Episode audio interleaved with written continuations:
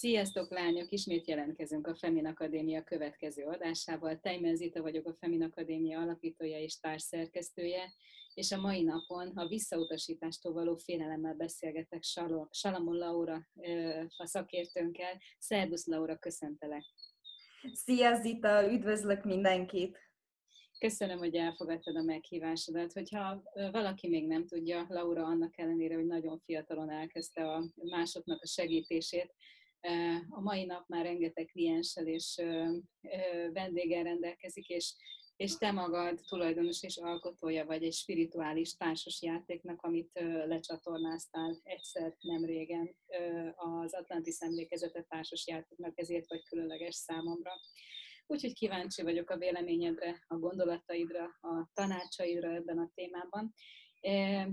Mi az, amitől kialakul tulajdonképpen ez a visszautasítástól való félelem? Benne vagyunk egy párkapcsolatban, benne vagyunk egy helyzetben a cégen belül, vállalkozó nőként is ugyanúgy érvényes ránk ez a téma, hogy nem merjük megmutatni ezt a kincset, ami bennünk van, mert félünk attól, hogy a piac nem úgy fog reagálni, ahogyan, és nem merjük a véleményünket megmondani pontosan azért, mert félünk attól, hogy vissza leszünk utasítva. De akkor vágjunk bele ebbe a témába. Milyen okosságokat tudunk megosztani a hallgatókkal?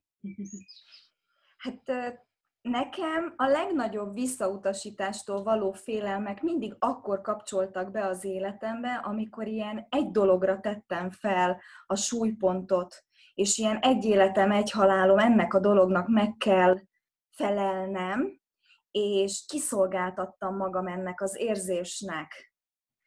Tehát például ez lehetett akár egy állásinterjú, és hogy bele sem mertem gondolni abba, hogy mi lesz akkor, hogyha mondjuk nem vesznek fel, ha elutasítanak. Mert ez annyira tudott fájni, és hogy tényleg ez az egy életem, egy halálom, feltettem egy dologra mindenemet, és hogyha az a valami elutasít engem, akkor kész, jön a halál. Tehát az egy olyan érzelmi sok, egy olyan érzelmi trauma, de ahogy haladtam az években, akkor egyrészt arra jöttem rá, hogy miért csak egy dologra teszem fel az életemet, amikor annyi minden más van mindenfele a világban, és rájöttem arra, hogy valószínűleg azért, mert nem bízom eléggé önmagamban. Tehát attól félek, hogy nem vagyok elég jó, hogy nem felelek meg azoknak az elvárásoknak, és hát ha itt ennek az egynek megfelelek, és akkor görcsösen ragaszkodva, körmöm szakadtáig, vérverejtékkel próbáltam annak az egy dolognak megfelelni,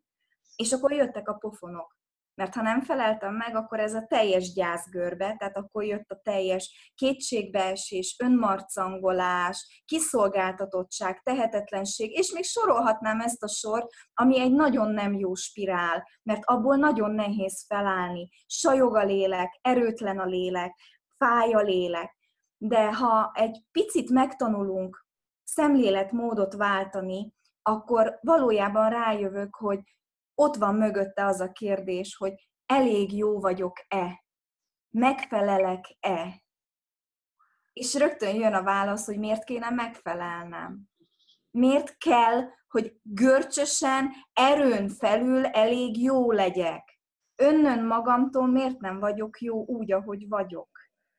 Nekem jött egy másik automatikus kérdés is, és nem csak az, hogy elég jó vagyok-e, hanem hogy tényleg ennek az egy embernek akarok csak megfelelni. Tehát uh-huh. nekem, meg, nekem meg inkább egy másik oldalról, most így, ahogy beszéltél róla, én nekem nem az álláskeresői oldal ö, jutott eszembe, hanem amikor a nő abban van benne, hogy egy férfinek szeretne marhára megfelelni. És hogyne, hogyne. Ez a, ez a mm, visszautasítástól, hogy mindent megteszek azért, csak vissza, hogy ne utasítson, ugye, a, ő szeressen. És hogyha felteszed ezt a kérdést, hogy elég jó vagyok-e, akkor én ezt a labdát úgy leütöm, mint a fene. És, és azt mondom, hogy ki ő, hogy ő határozza meg azt, hogy én elég jó vagyok-e. Tehát, hogy én felhozom őt egy olyan hatalommal magamba, tudat alatt, akkora hatalmat adok a kezébe, de ez, az, ez, ez belőlem jön, ez az én felelősségem, és addig, amíg erről nem tudsz, hogy ezt csinálod, addig ezt a hatalmat odaadod a kezébe. És azt várod, hogyha ő megokézza, ha ő visszatükrözi, akkor én jó vagyok, ha ő nem, akkor én lemegyek ebbe a spirálba. Pontosan. Értitek, lányok, az óriási jelentőségét annak, hogy, hogy mit csinálunk? ez, ez nagyon fontos. Ki ő? Ha én felruháztam őt isteni hatalommal, Igen. akkor várhatom azt, hogy lecsapjon rám a demokrész kardja, vagy felemeljen a tálcán. De abban a pillanatban, hogyha kilépek ebből az egy irányba, így van. Egy lapra teszek fel mindent, és azt mondom, hogy jó, akkor nézzük meg, hogy hány embernek tudok én jót tenni azzal, amit csinálok. Ő is az egyike azoknak, tehát több lábon kezdek állni, akkor már a visszautasítástól való félelemnek az energiája egy kicsit csökkenni fog. Ez így van, maximálisan egyetértek minden szavaddal. Személyes életemben nekem ebből a spirálból kijönni az segített, hogy valahogy sikerült mögé látnom a rendszer mögé, hogy mi, mi viszel engem egyáltalán idáig, hogy ilyen kis tehetetlen kis kiszolgáltatott legyek, és azt találtam a rendszeremben, hogy ott van bennünk egy ilyen ős, ösztönös, valahova tartozás igény. A családhoz tartozás, a szerelmemhez tartozás, cégnél a kollektívhez tartozás, tehát hogy ott van bennünk ez a, ez a, ez a csoport igényünk, és valójában ez a csoportigényünk lehet, hogy még valahova nagyon-nagyon az őskorba mutat vissza, hiszen az egyén egyedül sokkal nehezebben élt túl, mint hogyha volt egy, egy társasága, és ugye a, olyan, mint hogyha a csoporthoz tartozásért a szeretettel fizetnénk. Tehát, hogy, hogy szeretetet akarok kapni, hogy ide tartozhassak, mert akkor érzem, hogy ide tartozom, hogyha megkapom azt a szeretetet. Tehát ha te szeretsz engem és figyelsz rám, akkor biztos hozzá tartozom. Igen ám, csak amikor ez egy negatív spirálba megy át, akkor bármire képes vagyok azért, hogy te engem szeressél.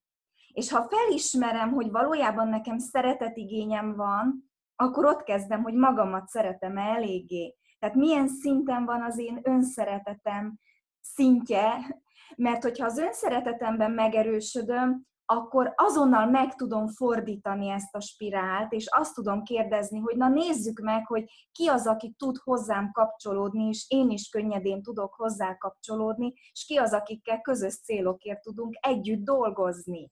És itt már akkor nem az a kérdés, hogy én elég vagyok-e és megfelelek-e, hanem az a kérdés, hogy ő elég jó-e nekem. Ez az, amit én akarok. Ezt szeretném-e az életemből kihozni, ahova együtt menni tudunk. Uh-huh. Mert ha most, most maradjunk ennél a férfi témánál, ha ő folyamatosan elutasít és nem akar fölvenni, és én már kivetközöm a nőiességemből, az önbecsülésemből, mindenből kivetközök, csak azért foggal körömmel ragaszkodva, jaj, egyszer biztos megváltozik, mert szeret, csak még nem tudja, akkor könyörgöm, mit csinálok ilyenkor magammal? Tehát, hogy, hogy ilyenkor meg kéne nézni, hogy itt most a jelenben, a hétköznapunkban mi szolgál engem. Szeretnék-e szeretve lenni? Igen. Ő szeret engem akkor, amikor hátat fordít? Nem. Akkor valószínűleg nem tőle kell kérnem azt a szeretetet. Tudom, ez így most ilyen baromi könnyűnek hangzik, és igazából az is, mert hogyha egyszer megértjük ezt a dinamikát, akkor rájövünk, hogy mindenből bőség van körülöttünk, és azzal, hogyha szemléletmódot váltok, akkor az ilyen fókuszomból egy ilyen választások lehetősége nyílik ki. És ugyanúgy visszakanyarodtunk az első tanácshoz, vagy megoldáshoz, hogy több lábon állj hogy mhm. ne, ne, ne, ne legyél ennyire szűklátókörű, hogy csak egyetlen egy csatornából várd azt a szeretetet, amire szükséged van, hanem próbálj meg nyitni az életbe, és olyan embereket bevonzani magad köré, akik hozzá tudnak adni az életedhez olyan mhm. dolgokat, ami számodra érték. És amikor az önszeretetről beszéltél, nekem nagyon-nagyon sokáig ez egy ilyen elcsépelt, ilyen, ilyen használt mm-hmm. önszeretet, és azon kívül, hogy ki lett mondva számomra ez a szó, nem, nem igazán láttam mögé, hogy ez mit mhm. jelent. És évek hosszú sora, nagyon sok önmunka és önfejlődés kellett ahhoz, hogy az önszeretetnek a különböző filtereit, szintjeit megértsem, hogy miből is áll ez össze. Ez egy nagyon komplex dolog, ebben nem is fogunk ma belemenni, de a mai beszélgetéshez az önszeretetnek az a, az, az aspektusa mindenképpen hozzátartozik, hogy szeresd magad annyira, hogy választ azt, ami neked jó. Így van, pontosan. Beszélünk, mert nagyon sok aspektusa van, de, de ha abban a pillanatban, hogy elkezded önmagamat, önmagadat választani, és, és azt választani, hogy velem így nem bánhat senki, vagy azt választani, hogy ezt nem teheted meg velem, se te, se senki más, mert ennél sokkal jobban szeretem. Vagy ha egyszer azt kimondod magadnak, hogy, hogy nem engedhetem meg azt, hogy más rosszabbul bánjon velem, mint ahogy én bánok önmagammal. Ha ezeket a dolgokat elkezded mantrázni, akkor valószínűleg be fogod tudni építeni az életedbe minden napjaiba, és, és a környezeted teljesen másként fog reagálni rád. Abszolút. Abszolút. Amit még a klienseimnél látni szoktam, az az, hogy, hogy mikor vagyok jó, hogy jó legyek. És, és akkor elmeséli, hogy de hát ő azért csinálta ezt vagy azt, hogy jó legyen a másiknak. És akkor ilyenkor visszaszoktam dobni a labdát, hogy is neked mikor jó. Tehát, hogy azzal a nagy lelkűséggel, jósággal, amit másoknak tolsz intravénásan, azt kezd el magadnak is tolni. És hogy valami döbbenetes felszed, felfedezést tettem a minap az egyik értelmező, ilyen online értelmező kézi szótárba, az önszeretet szóra kerestem rá, és képzeld el, hogy a definícióban magában benne van, hogy önzés. Tehát, hogy az az önszeretet, ami valójában az önzés. És hogy ez egy mekkora mekkora butaság. Tehát, hogyha magammal jó vagyok, akkor az azt jelenti, hogy a saját hátizsákomat töltöm. Ha a hátizsákomban van bőven mindenből, elégedettségből, szeretetből, önbizalomból, akkor tudok oda menni és azt mondani a világnak, hogy gyertek, mert van miből adnom. Üres hátizsákkal én is senyvedek, és valószínűleg a tükröm is azt fogja mutatni, hogy silányság van és senyvedés. És hogy és hogy valahol ezt így ketté választani. Ottan kapaszkodok valahova, ahonnan várom, hogy megtöltsem Igen. Igen, és hogy ezt a kettőt ketté választani, hogy, hogy attól, hogy jó vagyok magamhoz, nagy lelkű vagyok magamhoz, szeretem magamat, az nem jelenti azt, hogy akkor én most elmentem az önzés világába, és hogy nem, nem, nem, nem, nem tehetem meg azért, hogy jó maradjak tehát ezt nagyon-nagyon sürgősen a helyére kell rakni. És akkor hányszor van, hogy tök jó, hogy mindenkivel jó vagy, csak épp magaddal nem. Hát Laura, szerintem innen most egy csomó új téma kibontakozott. Már legalábbis a fejünkből, hogy miről beszélgessünk még. Ezt a beszélgetést itt most ö, ö, lezárnám, és nagyon köszönöm, hogy elmondtad a gondolataidat. Nagyon értékes gondolatok és megoldások voltak benne, és hozzájárultunk ebben ahhoz, ami a Femin Akadémia küldetése, hogy olyan tartalmakat, olyan tudást osszunk meg, ami segít neked abban, hogy az utadból el tud söpörni azokat az akadályokat, amelyek megakadályoznak abban, hogy a legteljesebb énedet tud megélni ebben az életben, a magánéletedben, és akár a professzionális életedben. Úgyhogy küldetést teljesítve már, nagyon szépen köszönöm a beszélgetést, és találkozunk legközelebb a következő témákkal. Köszönöm, Laura, hogy itt voltál. Köszönöm Zita én is a lehetőséget, és üdvözlöm a Femin Akadémia nézőit, hallgatóit. Sziasztok!